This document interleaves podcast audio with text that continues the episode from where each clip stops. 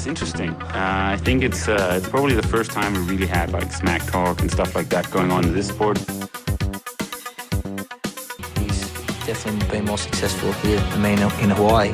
But I've beaten him up many times, and he knows that when all the people aren't around him patting him on the back and he looks at himself in the mirror at night when there's no one else, he knows I'm the real deal.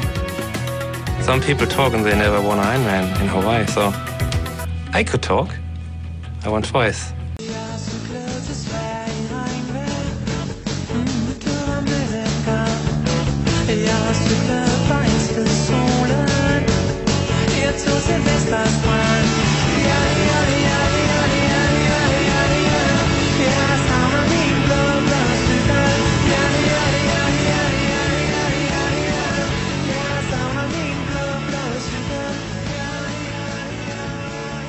Goddag og velkommen til Triorakles podcast. Jeg er sindssygt øh, spændt på at snakke med min gæst i dag, som er Iben Storgård. Øh, lidt et øh, triathlon-fænomen i det københavnske, og lidt et Instagram-fænomenon, som laver nogle vanvittige posts omkring hendes træning. Og øh, Iben, velkommen til Trioraklet. Hvordan går du har det? Tak jo, jeg har det rigtig godt. Jeg, træningen kører, og det går den rigtige vej. Jeg glæder mig helt vildt til 2018.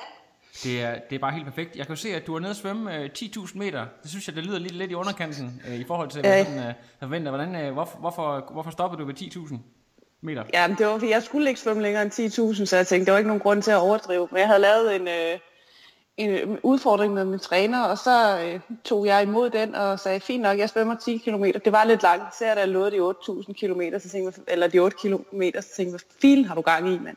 Men så lige pludselig, så manglede man kun en afsvøm, og så var det jo det var bare fedt. Altså, det var noget andet træning, end det jeg er vant til. Altså, jeg plejer at svømme to gange om ugen. Og så lige pludselig, jeg skulle svømme 10 km der. Jeg har aldrig svømmet så langt før. Aldrig nogensinde. Så det var, det var lidt toft, men også fedt. For andre folk, der gerne vil lave sådan en udfordring der, hvad, hvad gør man lige? Putter man lige lidt lækkert i dunken, eller en lille, en lille sneakers på kanten, eller hvordan, hvordan kan man motivere sig selv til at, at svømme så langt? Det lyder, det lyder jo helt vanvittigt. Altså nu har jeg jo altid svømmet, og jeg elsker det. Det er sådan der, hvor jeg kobler fra. Så jeg havde egentlig bare en dunk med noget energi på kanten, og nogen ville nok, måske have brug for, at der også lige var et par bananer, eller en bar, eller et eller andet. Men for mig fungerede en, bar, en dunk med noget energi fint. Ja, så, så Men altså, for, for ja. nogen, der skal gøre det, så selvfølgelig man sørger for, at man har noget energi fra kanten, på kanten, så man ikke går sukkerkold for. Ja. Nu min starttid i dag, den var måske... Øh, den hed sådan cirka 1,30, så hvis man skal svømme det, så er der kan man måske godt tilbringe lidt længere tid i vandet, og så er det altså vigtigt, at man sørger for at få noget energi, fordi ellers så går man kold og rammer muren. Og det er jo det der, når man tager sådan en udfordring, så skal man jo gerne gennemføre den. Fordi det er jo der, det er sjovt, at man ligesom kan sætte et hak på, og man siger, yes, I did it. Altså det er det, der er fedt. Det er præcis. Og det skal helst ikke være sådan, at øh, livredderne de skal til at ud og være aktive, fordi man lige pludselig øh, går kold halvvejs mellem den ene øh, kant og den anden. Nej, absolut ikke. De skal bare have lov til at rende rundt og kigge og drikke deres kaffe på kanten. Sådan. De skal ikke ud og arbejde, når jeg svømmer i hvert fald. Helt enig. Og så slutter du lige af med en time og 40 løb øh, bagefter. Er det, er det korrekt? Ja, det var helt korrekt. Jeg, jeg sparede også benene lidt på svømning, fordi jeg vidste at jeg skulle ud og løbe bagefter, så det var, da jeg lå hjemme på sofaen, jeg slappede lidt af, så tænkte okay, det bliver måske lidt hårdt, men øh, overraskende gode ben, så det var rigtig fedt. Jeg ved ikke om uh, Christina, hun, uh, din konkurrent i øh, uh, 35-39 i København næste år, hun er, hører med her, men der er grund til at være bange i hvert fald. Du, uh, du gør noget alvorligt ud af din træning. Ja, det gør jeg. jeg har, nu har jeg øh, de sidste to måneder trænet med OB, og det altså, rykket mig rigtig meget øh, på træningen, og det er gået rigtig godt. Jeg havde godt nok en, jeg har lige haft nogle test, både cykelløb og svømning her den her uge, og løbetesten, den gik slet ikke... Øh, jeg tror bare, jeg havde haft en travl dag på arbejde, og så kommer man lige hjem og i løbeskoen, og det var bare ikke de optimale vilkår at skulle løbe en test. Men ellers, så, som øh, min træner sagde til mig, så skal jeg kigge på et dårligt træningspas, jeg skal se tilbage på, øh, siden jeg startede op med ham i U43, hvor meget jeg egentlig har rykket mig. Ja. Og så skulle jeg bare slette den test, og så tage den gamle test, og så køre ud fra de øh, øh, zoner, jeg havde lavet dengang. Ikke? Så, men det går den rigtige vej, og jeg sagde til min træner, da jeg startede op med ham, at jeg vil gerne tilbage til det niveau, jeg havde, da jeg kørte min første sæson i 2015, fordi der var det jo sjovt at være med. Ja. Øh, jeg føler at lidt, jeg har gået, stået lidt i stampe, men der har også sket mange ting. Altså jeg blev skilt for to og et halvt år siden, så der sker rigtig, altså, det der med, der sker mange ting, og så selvom man har trænet, så har man måske bare lige været lidt mentalt ikke lige helt med. Men det føler jeg virkelig, at jeg er ved at være igen. Altså, jeg har aldrig, det er længe siden, jeg har haft så meget overskud til min træning, som jeg har lige for tiden. Øh, ved du hvad, nu, jeg kommer lige, øh, det her det bliver klippet ud, for der kommer lige op på min skærm, som jeg lige skal slette her. Bum, det tog lige to sekunder, så, så er jeg med igen. Øh, Yes. Ved du hvad, jeg skal lige prøve at høre, øh, det, du nævnte lige noget med, at du fik lavet test. Når I laver test hos OOB, er det så noget med, øh, med at løbe i en bestemt puls, eller er det simpelthen med noget med laktat, altså sådan øh, hardcore testing, eller hvordan foregår jeres tests? Det er hardcore testning. Det er cykeltesten, det er 20 minutter, all out. Øh, og så handler det lige lidt om at disponere kræfterne, så ikke man går ned til sidst.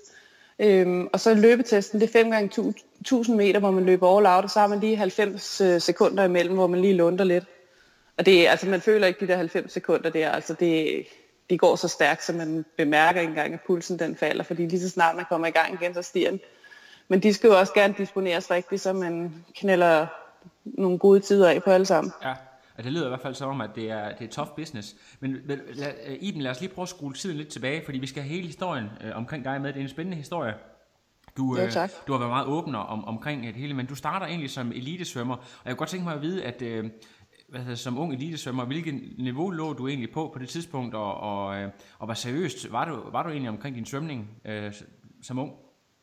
Øh, jeg var meget seriøs. Altså, jeg var den der svømmer der, der gerne stod op ekstra og tog ekstra morgentræning øh, tirsdag og torsdag morgen sammen med pensionisterne, fordi mandag, onsdag og fredag, det var ikke nok.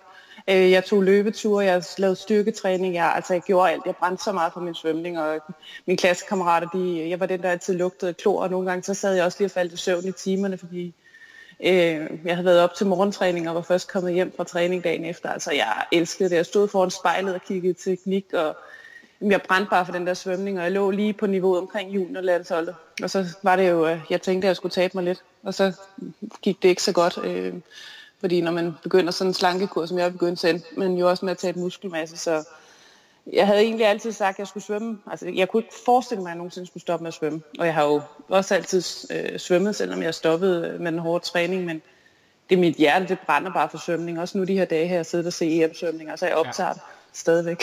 Så Det, Ja, det, lyder det- næsten, I- Iben, det lyder næsten som om, du skulle være født i Kina med din uh, entusiasme, sådan i forhold til det der med at træne 12 timer om dagen og alt sådan nogle ting der, eller Rusland for den sags skyld. Ja, måske bare nogle andre lande, øh, USA eller sådan et eller andet, hvor de måske er lidt mere rene. Men, øh, Ja, nå, men ja. jo, altså jeg kunne virkelig godt tænke mig, at øh, man bare kunne træne. Altså det var også en drøm øh, at jeg kom, være kommet på high school i USA og bare kunne svømme og, Ja. og træne og udvikle mig til svømmer. Altså jeg brændte så meget for det. Det var, eller det gør jeg stadigvæk, men det er jo på en anden måde nu. Men Ja. Det var helt vildt, men det er også svært, når man så når de der 14-15 år, man lige pludselig står, og klassekammeraterne de begynder at gå i byen, og jamen, jeg vil egentlig ikke rigtig gå i byen, jeg ville bare hellere svømme. Altså, det var det, jeg synes var sjovt. Men ja, ja og så Har var der du, jo også øh, nogle I- af har- mine Iben, svømmekampe. du, øh, du, kommer fra, du kommer fra Fyn, ikke? Øh, Eller er det, hvor, hvor er det, du er opvokset som svømmer? Ja, jeg er opvokset i en lille by, der hedder Ertsø, lige uden for Fredericia. Der svømmede jeg i uh, Ertsø svømmeklub, en meget lille klub, men uh, de var rigtig gode til at udvikle talenter. Vi var fire svømmere, som klarede os rigtig godt og var med til danske mesterskaber, danske juniormesterskaber. Og, men de, altså, de satte meget på bredden, men øh, jeg har lige indtil for to måneder siden, så har jeg haft, jeg ved ikke, 8-9 klubrekorder eller sådan noget, men nu er de begyndt at ryge efter 22 år, så det er jo også, øh, det vidner jo også lidt om, at jeg havde et godt niveau. Det må man sige, det må man helt sikkert sige. Øhm, jeg skal lige prøve at høre, øh, sådan øh, i spiseforstyrrelser, jeg ved meget, meget lidt om den slags, det må jeg indrømme, og det er måske også øh, he- godt, at jeg ikke ved så meget om det, fordi det, det, det er noget, som man ikke ønsker for nogen, at de ligger og kæmper med sådan noget, men, men, men øh, oplevede du, at det var sådan en skilsættende begivenhed, der sådan triggede det, eller var det sådan en langsom øh, glidebane, hvor det bare sådan blev mere og mere ekstremt, øh, før du opdager, at den er helt gal? Det var nok sådan lidt en blanding af det, altså fordi det var den der uskyldige slankekur der, hvor at, øh, jeg lige tænkte, hvis lige taber man de der 5 kilo der, så, så kommer det til at gå stærkt. Og det gjorde det jo også. Men så blev det bare besat og, øh, af at tabe mig, og så lige pludselig, altså jeg havde bare ikke energien til at svømme mere. Øh, og der havde jeg nok det stået på i halvandet år, og jeg havde bare ikke kræfterne til at være med, og det, jeg synes heller ikke, det lige var så sjovt mere, fordi igen, man var den der teenager der, der var begyndt på handelsskolen, og Ja. Ja, så man kunne ikke rigtig finde ud af, og så der gik egentlig lang tid før det gik op for mig. Øh, jeg tror faktisk, der gik sådan 4-5 år, hvor at jeg kæmpede med den her spiseforstyrrelse, inden jeg ringede til min mor en dag og sagde, mor, den er helt gal. Og min mor havde jo selvfølgelig luret den, men det var jo svært at, at komme til en teenage-datter, når hun hårdnakket påstår, der ikke er noget galt. Altså det, Ja. Jeg forsøgte sådan at skjule, og min vægt, altså jamen, den var jo egentlig meget normal på det tidspunkt. Det var faktisk først sådan 8-9 år henne i min spiseforstyrrelse, og min, vægt, min, min vægt den blev, øh, øh, livstruende. Men ellers så formåede jeg sådan at holde den der vægt, som, men, hvor jeg ikke så så syg ud, men jeg var bare ekstremt syg. Jeg, jeg er nødt til lige prøve at høre, fordi at øh, man kender fra, fra løbeverdenen det der med sammenhængen mellem, øh, mellem vægt og fart, når man løber, fordi det er jo selvfølgelig øh, hvad, det er bærende vægt osv. Øh, men prøv også lige at fortælle os andre, der ikke forstår så meget det der med, med svømning. Hvor, hvorfor er det, det er en fordel at veje mindre i, i, i vand? Øh, bare, bare for os, der ikke lige er helt med der. Jamen det er jo en fordel ikke at veje for meget, lige meget hvad for en sportsgren man dyrker. Selvfølgelig hvis man er sprinter og kører cykelbane, så skal man jo have noget power i benene, og det er jo styrken, der gør det. Men når man ligger og svømmer ned i vandet, altså det giver bare lige, altså det gav mig lige de der 5 kilo, jeg startede med at tabe. Det gjorde altså, at jeg satte alle de der klubrekorder der. Og jeg var jo ikke, før jeg startede det der vægttab, jeg var jo ikke tyk, altså jeg har aldrig nogensinde været tyk. Men det gjorde bare lige, at jeg tabte mig, fordi jeg lige blev det der lettere i vandet, men jeg bevarede min muskelkraft. Men da så jeg begyndte at miste muskelkraften, så var det jo vægttabet ikke var sundt længere. Nej.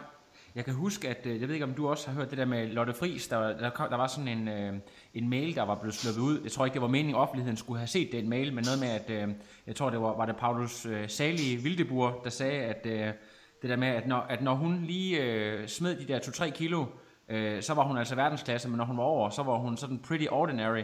Var det, var, var det, mm. var det sådan den herskende... Øh, tankegang i elitemiljøet? Det der med at øh, lige pine sig lidt ned i vægt, eller, eller hvordan, øh, hvordan tænker du? Jamen det har det været, og især i dansk svømmesport, altså der har faktisk lige været noget også med Jeanette Ottesen, hvor hun løft, løfter sløret for, hvordan det var i starten af år 2000. Øh, hvordan at, øh, der var fokus på pigernes vægt, og øh, det blev kommenteret af trænerne, selvom der egentlig var, var diætister på til at styre det der kost, så kom at trænerne med bemærkningerne, altså trænerne det er ikke uddannede diætister, så de skal bare lukke.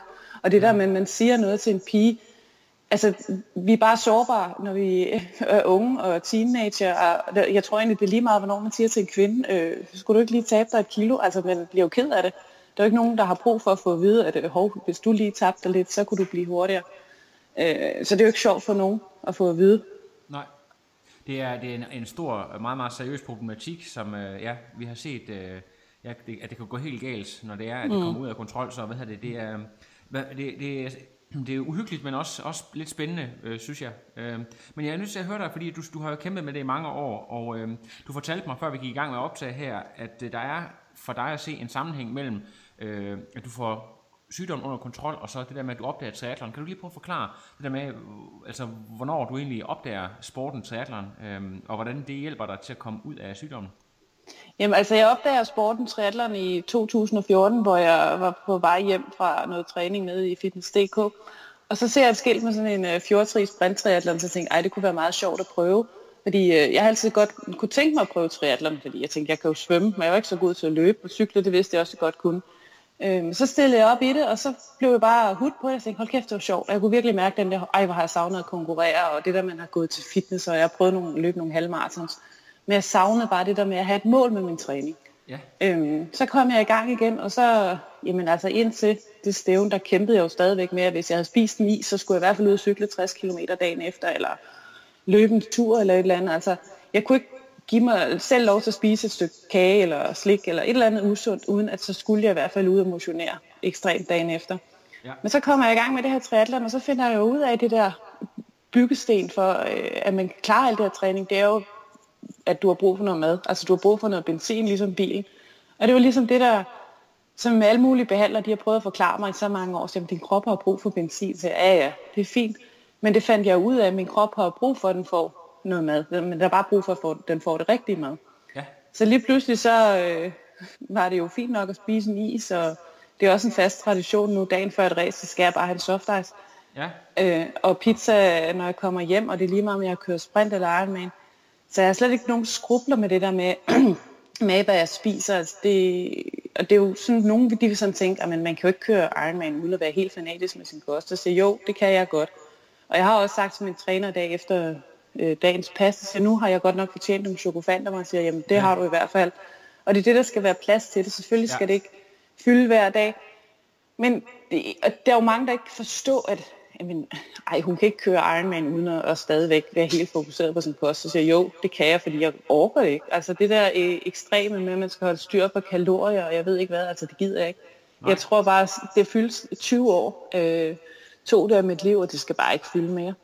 Jeg synes, det lyder helt fantastisk, men alligevel så kan jeg ikke øh, undgå at, tænke på nogle ting, jeg har hørt det der med, folk der siger, at hvis du engang i livet har været alkoholiker, så er det, så er det noget, der, der altid ligger latent i en, og, og lidt det samme med spiseforstyrrelse, det vil altid ligge et eller andet sted. Er du bevidst om, om det, at, øh, at der er nogle steder, hvor du ikke skal bevæge dig hen, fordi det kan trigge, trigge det igen, fordi det måske ligger latent i kroppen, selvom at du siger, at du har det rigtig godt under kontrol nu. Øh, når nogle ting, du bevidst det ikke øh, ja, øh, en vej, du ikke vil gå ned af, hvis, hvis du har tænkt over nogle ting. Jamen det er helt sikkert, altså jeg tænker over det der, som jeg også altid siger, om en gang alkoholiker, altid alkoholiker, en gang stofmisbruger, altid stofmisbruger. Det er det samme med maden. Altså mit drug, det blev bare min spi- en spiseforstyrrelse. Jeg kunne også være blevet alkoholiker eller stofmisbruger, så selvfølgelig ligger den i baghovedet på mig og siger, at du har haft en spiseforstyrrelse, du har været døden nær. Så selvfølgelig er jeg opmærksom på, jamen, hvad jeg skal undgå. Altså en ting, jeg altid sagde, det var, den dag min mormor dør, det bliver katastrofalt. Og det var også rigtig, rigtig hårdt. Men jeg var højgravid med min, øh, min yngste på det tidspunkt, så, så jeg havde slet ikke, altså jeg havde ikke overskud til, jeg vidste, at øh, lille Tobias, der lå i væven, han havde også brug for lidt læring, så og sådan jeg gik igennem en skilsmisse, og folk også sagde, at man taber sig altid under en skilsmisse. Nej, det, jeg var bare bevidst på, at min krop, der kørte jeg jo også tri, jeg var bevidst på, at min krop, den havde brug for noget næring, så, så lige nu, der ligger det så langt væk fra mig, men jeg skal jo ikke sige om på et eller andet tidspunkt om 10 år, at jeg lige pludselig er tilbage igen. Det kan jeg jo ikke øh, påstå øh, og sige, om jeg bliver aldrig syg igen, fordi det, kan man, det tror jeg ikke, man kan sige. Godt. Øhm, på et tidspunkt, der, der begynder det at blive lidt mere seriøst øh, med det her triathlon, og øh, alle københavner med respekt for sig selv, de øh, handlede jo inde i endurance sport, der var sådan en godt community, og jeg kan huske helt tilbage fra Peter Vatmassen og Hans Nielsen og Alexander, dengang han stadigvæk øh, huserede i, i København inde på Mimersgade. Der kom de ned i, i, øh, i endurance sport hos Jonas Kristoffersen, og det var også øh, noget, du ligesom blev en del af øh, på det tidspunkt, øh, og blev trænet af ham. Kan du lige prøve at fortælle om, hvordan det, det kom i hus? Jamen det gjorde det, det startede sidste år, hvor øh, Jonas hævde færdig i mig og syntes, at det kunne være rigtig spændende at arbejde øh, sammen. Og det blev vi bare enige om, at vi skulle arbejde sammen her i 2017. Øh, og Jonas, altså jeg havde sådan helt endurance sportparken med sponsorat inden for ham af, og så var trænet han mig. Og det var jo, øh, det har været super fedt at lære, at Jonas han ved ekstremt meget om triathlon. Altså det, det er helt vildt, man kan spørge ham noget, og han kan bare fortælle. Altså han, øh, han brænder jo for sporten, og han har, altså den der, igen, han har så stor en viden. Så jeg har lært ekstremt meget af at have ham som træner, og også komme ind i butikken og sidde og drikke Pepsi Max med ham. Altså, ja. En enorm viden, han gerne deler ud af, ikke? Men, men noget, der, som jeg også husker fra den gang, øh, Peter Madsen der, han, han kom jo til Aarhus på det tidspunkt, der lå og trænede herude, og det var jo sådan nogle øh, 6 timers ture på cyklen, det var jo øh, mere regel end undtagelsen, og det der med, at nogle gange så ringede han, øh, han lå i fosterstilling, fordi jeg skulle, jeg skulle gå med ham ned på Pizza Hut, fordi han var så sukkerkold, så han var nødt til at have nogen med, fordi det var pinligt at sidde og æde så meget selv, fordi han trænede så meget. Øh, så, så jeg sidder og tænker på, når du, når du er mor til to øh, sådan halv halvstore børn, eller halvstore, de er jo små børn, men øh, de, de, altså, de, de er i hvert fald tidskrævende, kan man sige, du har et job mm. ved siden af. Hvordan, hvordan, hvordan balancerer du egentlig det overhovedet øh, med, med al Jonas' øh, mængdetræning der? Ja, det må du nok spørge mig om. Altså nogle gange, når jeg tænker tilbage på det nu, så kan jeg slet ikke, altså så tænker jeg, hold det helt op, at det gik op med det puslespil. Altså jeg har en kæmpe opbakning i min kæreste Torben, altså han er jo ekstremt sød til at hjælpe med børnene, hvis jeg skal ud og træne efter arbejde. Men jeg prøver jo, hvis jeg skal løbe alt under en time, så står jeg gerne op klokken 5 og får løbet der. Ligesom øh, min svømmepas, dem kan jeg også godt finde på at tage morgen, øh, om morgen sammen med mit mastershold. Øh, og ellers, altså, det, jeg havde øh, sommerferien, jamen der havde jeg jo tre ugers fri, og så havde jeg også øh, Aalborg øh, halv Ironman der, så det var sådan, okay, skulle jeg ikke lige træne så meget, for jeg skulle også nedtrappe, og så skulle jeg lige komme mig lidt. Og så kørte vi jo på med den hårde træning op til Ironman, og der var mine børn, så de er 7 og 9, de var ved deres far. Så det var sådan noget øh, hjem fra arbejde, træn, sove, spise, træn. Altså det var, det var helt ekstremt. Altså der var nogle uger, hvor at, øh, jeg tænker, hold kæft, hvordan kom du igennem den nu? Det var helt vildt. Ja. Det var mange timer. Altså, jeg tror, det er nu, jeg trænede mest. Det var 22 timer, og der havde jeg også lige 50 timer på arbejde, og så skulle jeg også til et bryllup over i Kolding. Ikke? Ja. Så, og øh, for, for, os, for folk, der ikke lige ved det, Iben, hvad er det, du arbejder med? Øh, for folk, jeg, er læ- jeg er lægesekretær på en børneafdeling. Yes, okay, godt. Så fik vi også lige den med. Øhm, men men øh, du har så gjort det efterfølgende, at du nu træner, som du siger, med, med Out of Bubblegum, også kendt som OOB. Øhm, jeg tror faktisk egentlig bare, det bliver kaldt OOB nu, fortalte Alexander på et tidspunkt. Øhm, ja. Er, er, det, og det er et skifte, du lige, lige har gjort sådan for ikke så længe siden, er det ikke korrekt? Fra den her sæson? Jo, det gjorde jeg for to måneder siden, ja. så valgte jeg simpelthen at gå over til Alexander. Han ville gerne hjælpe mig, så tænkte det er en chance, jeg ikke kan lade gå forbi. Nej, så den greb jeg, og så sagde jeg, det er fint, vi starter op på mandag, og det gjorde vi, og så, jamen det var jo 43, tror jeg, vi startede op. Og det, øh, mit krav til Alexander, det var at sige, Alexander, jeg så minimum tilbage til 2015-niveau. Øh, fordi dengang, der fortalte alle, uh, et kæmpe talent, jeg vandt tre danske mesterskaber med en age group øh, som første sæson. Det var jo helt vildt fedt at vandt, især da jeg vandt DM på den olympiske år i Fredericia ja. på, i min hjemby. Så det der, jeg sagde til Alexander, der vil jeg bare ned igen til, det kommer du også. Og øh, så siger han også, øh, nu har jeg ikke lige haft den bedste sæson, det startede ikke så godt. Øhm, så han sagde, at fordelen ved en dårlig sæson, det er, at du kommer til at overraske alle i 2018. Så sagde jeg, ja. det er jo rigtig fedt. Men det jeg allerede kan mærke nu, at en ting er, at jeg føler, at jeg har mere balance, fordi jeg træner hårdt, men kort. Øh, så jeg føler lidt, at jeg har fået lidt mere tid til min familie og mine børn igen. Ja. Øhm, og også med arbejdet. Altså, nu står vi også lige her om tre måneder og skal flytte tilbage til Middelfart og hjem til rødderne igen. Så der har også lige været en masse der med søge job og få et nyt arbejde og få et nyt hjem og sådan noget, der lige skulle falde på plads. Men jeg har, føler, jeg har haft overskud til det. Så, så samtidig med, at man forbedrer sig, og motivationen den er maks, altså det, det hele, jeg føler bare lige nu, der spiller det hele, og jeg er skadesfri, og ja, og, og hvad ligger du egentlig i sådan, øh, det, det er jo, nu ved jeg godt, det er vinter og sådan nogle ting der, men, men øh, hvad har du ligget og trænet på i gennemsnit her de sidste par måneder hos OOB? Øh, de sidste par måneder ved OB, der tror jeg, jeg ligger på de der 7-10 timer om ugen. Ja. Så meget passende, og så altså to, to timer af med svømning, og så er der noget korttræning, jeg gør her hjemme på stuegulvet. Ja. Så, så i princippet er det jo egentlig ikke ret meget. på cyklen hjemme, der sidder jeg på hometraineren inde i, i stuen, ja. hvis ikke altså en gang imellem tager jeg til spænding for lige at, ja. at være lidt social. Men ellers så, så, så er det jo ikke så meget træning, jeg egentlig skal gøre væk. Altså hvis jeg sidder på hometræning i stuen, så kan børnene godt se, hvornår de skal snakke til mig, og hvornår de ikke kan snakke til mig. ja, for du kan ikke svare, når det er, du ligger og kører i Horsens, eller Nej, det kan jeg ikke. Så bliver det sådan meget øh, kort noget. Så hvis de kommer og spørger, om de må spise slik og spille iPad, når jeg så kører i de røde og sorte zoner, så får de ja. Fordi jeg kan ikke overskue at svare andet. Nej. Så, men øh, jeg synes, det er, det er ekstremt spændende det der med, at øh, jeg tror egentlig på, at det er en meget go- godt at variere træningen, at øh, man ikke behøver at køre øh, hverken det ene eller det andet øh, hver sæson, men at man sådan blander det op. Så jeg synes, det er spændende at høre, hvad du egentlig får ud af det her med, og, at du har lidt mere overskud og træner en lille smule hårdere, og så lidt mindre, end du plejer at gøre. Øh, fedt. Så skal vi lige have fat i noget, fordi en af grundene til, at jeg også øh, har hørt fat i dig, det er jo fordi, at du sådan er lidt blevet Danmarkskendt, fordi du har været med i den her DR2-dokumentar, øh, der fulgte dig op til, til København øh, sidste år. Øh, jeg kunne godt tænke mig at vide, øh, hvordan du egentlig selv havde det med at være med i sådan en landstækkende øh, fjernsynsudsendelse. Øh, det, kan du lige, det, kan du, det kan du lige prøve at svare på først, så kan jeg lige komme med en kommentar til du siger. Ja, altså jeg synes, det var ekstremt grænseoverskridende, også fordi den der især, man tænker, hvordan, hvordan klipper de det sammen? Øh, når jeg tænkte, okay, men det er jo DR, det er ikke TV3. Øh, så jeg synes, øh, det er ekstremt grænseoverskridende, og da det blev vist i tv, jamen der sad jeg nede på Tenerife med ungerne, så jeg fandt først ud af øh, en halv time inde i programmet, at jeg jo kunne se det på iPad. Øh, og når man kommer på, og jeg kunne se på både min Instagram og min Facebook-profil, at det væltede ind med følgere, så jeg tænkte, hold da op, men der må være nogen, der synes om det, og folk de skrev til mig og sagde, dejligt, du er så ærlig og åben, og så jeg synes egentlig, at øh, alt i alt, så synes jeg, det var et meget godt program, men ekstremt grænseoverskridende. Altså det, ja. Fordi det er sådan en dokumentar, og man bare finder ud af, at der er så mange, der har siddet og set det, og tænker, åh nej, hvad må de nu synes, og sagde ja. man noget forkert og alt sådan noget. Ikke? Så det, det er jo sådan nogle ting, jeg tænker meget over, man siger det rigtige, eller man siger det forkert, ikke så? Jamen det kan jeg godt forstå, også det der med, at, at, at triathlon, det er en rigtig, rigtig hård sport. Jeg ved, der har lige været et eller andet med, øhm, et, øh, jamen det, det er sådan en lidt anden case, men det, det er bare et eksempel på, hvor hårdt øh, triatleter de dømmer andre. Der var en, øh, en ny professionel over i Canada, tror jeg det var, eller USA, der havde øh, lavet en GoFundMe til hendes første sæson som øh, neopro, hvor hun blev storsvinet på Instagram, fordi hun kom til at træde forkert af det der med, at hvis man kommer til at sige eller gøre noget forkert, eller tror man kan noget inden for den her sport der, så bliver man virkelig, så får man altså med, er det også sådan din, øh, mm. din erfaring? Jamen det er det, og det er jo sådan lidt, altså nogle gange så siger jeg, men jeg, jeg går meget op i at rose, også øh, Christina Svejstrup, øh, der nu bliver min konkurrent, altså hun er jo kæmpe inspiration, og hun er en rigtig god triveninde også.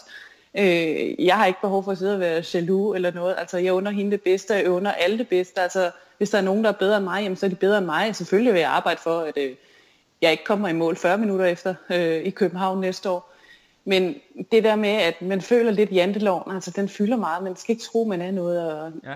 det fylder bare ekstremt meget, i stedet for at man bakker op om hinanden, og siger, hold kæft, hvor du sej, altså det, jeg kan slet ikke forstå, at man skal hakke andre folk ned, men øh, det, det, det kan jeg slet ikke. du, du er jo sådan øh, født og opvokset i Jylland, eller har sådan jyske, jysk-fynsk mm. eller sådan. Men i forhold til, nu har du boet rigtig mange år i København, sådan i forhold til din øh, oprindelige jyske mentalitet, og så bor der i København, kan du, kan du mærke, at der er nogle, for, der er nogle øh, forskelligheder sådan i forhold til... Øh, til de der mentaliteter, også når det gælder triathlon. Øh, altså, som, jeg, som jeg tænker, så er der forskel på at være triatlet i, i provinsen og triatlet i København. Ja, men helt sikkert. Altså, det er faktisk noget, jeg tænker rigtig meget over. Øh, og det er jo også, altså, det kan jeg jo mærke nu her, når vi skal flytte tilbage. Altså, det der med, så skal vi ud og træne sammen, vi skal ud og cykle sammen, og øh, blandt andet at skal Søby øh, ekstrem, øh, øh, hvad hedder det, øh, ja, man kan ikke engang kalde ham ekstrem triatlet, han er bare ekstrem sportsmand. Altså, så skal vi ud og cykle, og jeg skal nok vise dig vejene på Fyn. Hallo, det er Aske, altså han kører jo sygt hurtigt, gider han at køre med mig. Jeg er ikke så hurtig som ham. Men hvor at, øh, man måske godt, det kan godt være lidt sværere, sådan de der store grupper, med man træner sammen herover på Køb, i, ja. i København, og det ved jeg ikke. Jeg, jeg ved ikke, altså jyder og fynboer, måske de bare lidt mere åbne. Man kan også se uh, Michelle Vesterby og Camilla, de kan jo godt træne sammen, selvom de er konkurrenter. Altså, de er jo også sammen træner nu. Ja. Og det synes jeg jo er helt vildt fedt at man kan konkurrere, man kan være veninder, og man kan også træne sammen. Ja. Det synes jeg jo bare er kæmpe inspiration. Ja, fantastisk. Så skal jeg lige prøve at høre her, i forhold vi, vi har været lidt inde på det, øhm, det der med mål for 2018. Du vil gerne tilbage til det gamle niveau. Du nævner også Christina Svejstrup. Øh, hun lavede et sindssygt godt resultat. Øh, men i forhold til det der med, du har også nævnt på Instagram, så ved du har en drøm om at, at komme til Hawaii. Der er, der er normalt ikke mere end et eller højst to slots i den der age group der, så det er, hun er din direkte konkurrent. Ja, øh, jeg vil godt det er. vide, hvad betyder det for, for din egen motivation, men, men hvad tænker du også om det der med, at der lige pludselig er kommet så sindssygt højt niveau, at du kan ikke bare lige køre under øh, 10 timer, det er slet, slet ikke nok længere. Nej, det er slet ikke nok. Og nu, altså de sidste to år, der har været to slots i den der age group, og jeg har sagt nej to gange. Og det kan jo godt være, at jeg kommer til at få det i august, hvis der lige pludselig ender med, at der kun er et. Og der er også nogen, der har sagt til mig, hvorfor vælger du ikke et andet stævn? Jamen, jeg synes bare, at København er så fedt et stævn, og så, altså, det kunne være oplagt at køre Hamburg, altså det er to timers kørsel fra Fredericia. Ja. Men jeg håber på, at der er to, øh, og så håber jeg på, at øh, jeg vil gerne køre 9.30 i år, og det gjorde jeg som bekendt ikke. Altså jeg ved ikke, øh, jeg fik brandmand i hovedet på svømningen, og jeg var der nok bare ikke lige helt på dagen, øh, og sov lidt meget på cyklen. Jeg udnyttede ikke, der var medvind, og øh, det var slet ikke, altså jeg var glad for, at jeg ikke så med cykeltid, da jeg stillede cyklen inden øh, øh på Ophelia Plads, fordi så var jeg gået helt i selvsving. Heldigvis havde jeg et okay maraton øh, afsluttende løb. Ja. Men jeg, altså, jeg var, selvfølgelig var jeg glad for at komme igennem dagen, og tænkte, det er en fed distance, og jeg elsker Ironman-distance. Jeg elsker at løbe ind i Københavns gader. Altså hele stemningen, også når man kommer op af vand, udvarmer og strandpark. Altså det er jo fedt, øh, også i, jeg tror, jeg ved ikke, jeg var rimelig hurtigt op af vandet i hvert fald. Ja. Så det er jo super fedt, at man kommer op, og folk bare hæpper, og mine børn var inde og hæppe på mig. Mm. Øh, så jeg har sagt til Alexander, at jeg skal i hvert fald køre de 30, og han siger ikke så meget, han siger bare, at du kommer til at køre stærkt. så, så hvad stærkt er, det må vi jo så få se jeg til august. Jeg kunne høre, øh, Iben, fordi du, når du svømmer så godt, som du gør, så er du også i en position, hvor du kan udnytte, øh, ikke fordi jeg skal, jeg skal sidde og argumentere for drafting, men, men det betyder, at du i hvert fald kan positionere dig, sådan at du kommer med nogle hurtigere sted, og selv hvis du holder lovlig afstand på cyklen, så kan du, så kan du virkelig... Øh, er, det, er det noget, du sådan har overvejet, det der med, at, at du, du kan altså øh, få noget pace, øh, også med 10 meter afstand til, til nogle hurtige herrer og så videre. Er det noget, du tænker over? Er, er du så fokuseret på dine egne tal, at det, det, det er ikke inde i dine overvejelser, når du, når du laver sådan noget som det her? Og det er slet ikke inde i mine overvejelser. Jeg bliver så hissig, når jeg bliver overhældet af folk, der ligger og drafter. Øh, ja. Hvor jeg, øh, altså både i år og så sidste år, hvor der kommer de der store grupper, men det kan også bare være folk, der kører 3-5 personer. Jeg har også snakket med dommerne og andre, så siger jeg helt ærligt, Altså få nu fat i de der, der drafter, og de ligger og kører helt vildt sindssygt hurtigt på cyklen, når man ligger og kæmper derude, fordi altså igen, når man kommer op af vandet som en af de første, så er der altså ikke så mange draft øh, derude. Man kan selvfølgelig finde nogle fødder ude på vandet, men ja. det er jo mange af de hurtige mænd, man kommer op sammen med, og de mm. kører jo altså ret hurtigt på cyklen. Ja. Så det, nej, det, øh, det der draft, det, det siger mig ingenting. Altså jeg havde et, øh, en olympisk øh, distance i Kolding her, øh, slut på sæsonen, hvor draft var tilladt, og der lå en ung pige og draftede på mig. Men jeg kunne ikke draft på hende. Altså det, jeg er nok også sådan lidt bange for det. Øhm, ja. Det der med at lægge på hjul. Det siger mig ingenting, og jeg synes, øh, at de der 12 meter, det skulle hedde 20 meter. Ja. Det er lidt ligesom snopperne, øh, Fritz og Paul. Det siger mig sgu egentlig ikke rigtig noget. Nej, men det, det, det gør det ikke, og det, altså jeg ved godt, der er nogen, der, der tænker over det, men det der, altså jeg havde en, der lå sådan, så lå han lidt bag ved mig, og så overhalede jeg ham, og så gav han ikke rigtig slip på mig. Efter jeg havde overhalet, der blev de, altså det der med, at de løfter fingrene over for ham, og bare sådan tænker, så giv nu slip, altså. Ja. Jeg bliver bare irriteret på, at der er nogen, der ligger og gør det, og dommerne, de måske ikke, jeg har også hørt historier om nogen, der lige altså, er uheldige og lige bliver taget og siger, ja, ja, det er fint nok, du siger, det er uheldigt, men ved jo ikke rigtigt, altså du blev fanget af en dommer, det kan da ja. godt være, at de var på et uheldigt tidspunkt, men Man være siger ikke, 10 du har ligget... træk, vel? Er det ikke, man siger? Hvad siger du? Jeg siger, det, er, det er svært at være uheldig 10 gange i træk. Altså. Ja, lige præcis. Så jeg synes, at altså draft, det, man kører Ironman, det er en individuel distance, og det er jo det, der gør, altså hvis man har ligget og draftet 180 km, så kan man godt knalde godt maraton af, altså det er du ingen tvivl om. Helt det er lidt hårdere at løbe 100 eller 42 km, hvis man har, når man har kørt det helt selv i, i modvind og ikke fået noget hjælp derude. Lige nøjagtigt. Jeg skal lige høre, før vi begynder at snakke sponsorater, som du også lige skal have lov til at nævne. Øh, din, øh, din nuværende kæreste, Torben, der, han er også triatlet. Er han, er han øh, stadigvæk aktiv i forhold til, øh, når, når I skal have det til at gå op? Øh, han kører stadigvæk stævner, eller han, er, han har det lidt på pause, eller hvordan foregår det?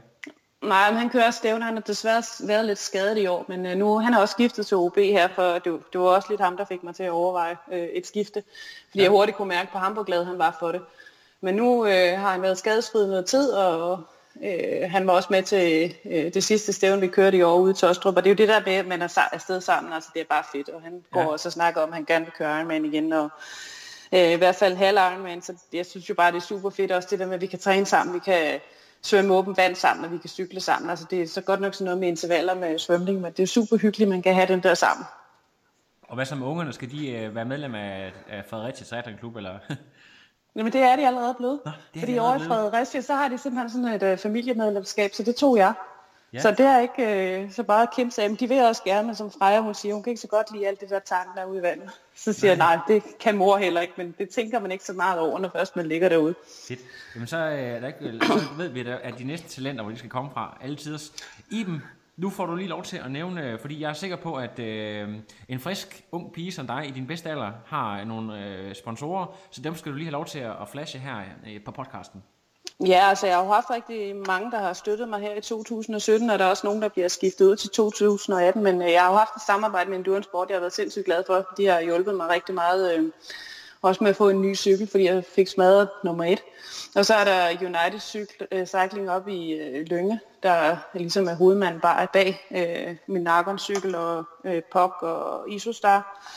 Og så har jeg trænet meget Fitness.dk, de har også støttet mig hele året. Jeg håber også på, at vi fortsætter i næste år, fordi det er bare rart det der, man kan træne lidt indenfor, i stedet for at man skal ud og løbe i 5 graders frost, eller skal sidde på home traineren hele tiden. Jeg kan godt lide variationen i træningen. Og så har jeg haft Charlotte Birkovs øh, Active by Charlotte-serie, som jeg er super glad for at bruge også. Og så har jeg min massør Michael inde i København, som øh, jeg også er rigtig glad for. Og vi fortsætter altså også samarbejdet næste år, selvom jeg flytter. Fordi han kender min krop, så hvis der lige pludselig er et eller andet, altså, så koster det ikke så meget at tage en orange billet til, til København. Og så har jeg jo været så heldig at komme på øh, Eden ved Speedo, Danmark. Yes. Og det er jo, øh, det er jo bare fedt for en øh, svømmepige som mig at komme ind øh, ved yndlingsbrandet, som, jamen altså, jeg har altid elsket Speedo. Så det er jeg jo meget stolt over Ikonisk at mærke. lov at komme. Ja, det, det er bare fedt at komme ind derude, og hun er så sød, Henriette, der ligesom er, er, er kvinden øh, bag Speedo Danmark. Jeg, jeg, Og så har jeg min diætist også, øh, diætpiloten, som Diætpiloten. hjælper mig. Øhm, jeg skal lige prøve at høre, øh, du nævnte øh, Charlotte Birkhoff der. Jeg, jeg, jeg var ikke helt øh, sikker på, at jeg forstod, hvad det var for et produkt, du fik igennem hende, eller hvad det var for noget, hun hjalp dig med. Jamen, Charlotte Birkhoff, hun har lavet sådan en serie til øh, aktive mennesker med noget mm, creme, vi kan smøre på inderlovene, og noget spray, vi kan bruge, når vi svømmer med våddragt, og en stift, som hvis vi har ømme muskler, og så har hun også lavet en runner, runner powder, sådan noget puder, man kan putte ned i sokkerne, så ikke man får de der brændende fødder der. Men den er jo astma-allergivenlig, og den er ude af alle mulige kemikalier, for den, den er jo lidt lavet efter, at hun selv har været syg med brystkræft, og for at undgå alle de der hormonforstyrrende ting, der ellers er i, øh, i cremer, man køber rundt omkring. Fremragende. Aldeles fremragende. Øh, Iben, du, øh, fik, du, øh, fik du nævnt øh, alle sponsorer? Ja, det tror jeg, jeg gjorde. Det er godt, fordi jeg skal ikke sidde og afbryde dig midt i det hele. Ved du hvad, jeg synes, at vi er kommet omkring rigtig, rigtig mange spændende ting, og nu har vi talt sammen i, øh, jeg tror, hvis vi lige får koldet lidt ned, og der kommer lidt musik på, så kommer vi næsten op på 40 minutter. Så det er jo en rigtig god længde for, for en podcast. Du skal have mange tak, fordi du lige øh, brugte en aften på at tale med mig, og øh, hvad hedder det, ja, med, med huset fuld af, af unger og så videre, så er det jo ikke øh, altid, man lige har 30 minutters fritid til at snakke i. Så øh, tusind tak for det, Iben. Ja, men det var så lidt, det var en fornøjelse at være med. No, I am done. Another. But no, it's, I'm done. I have no power.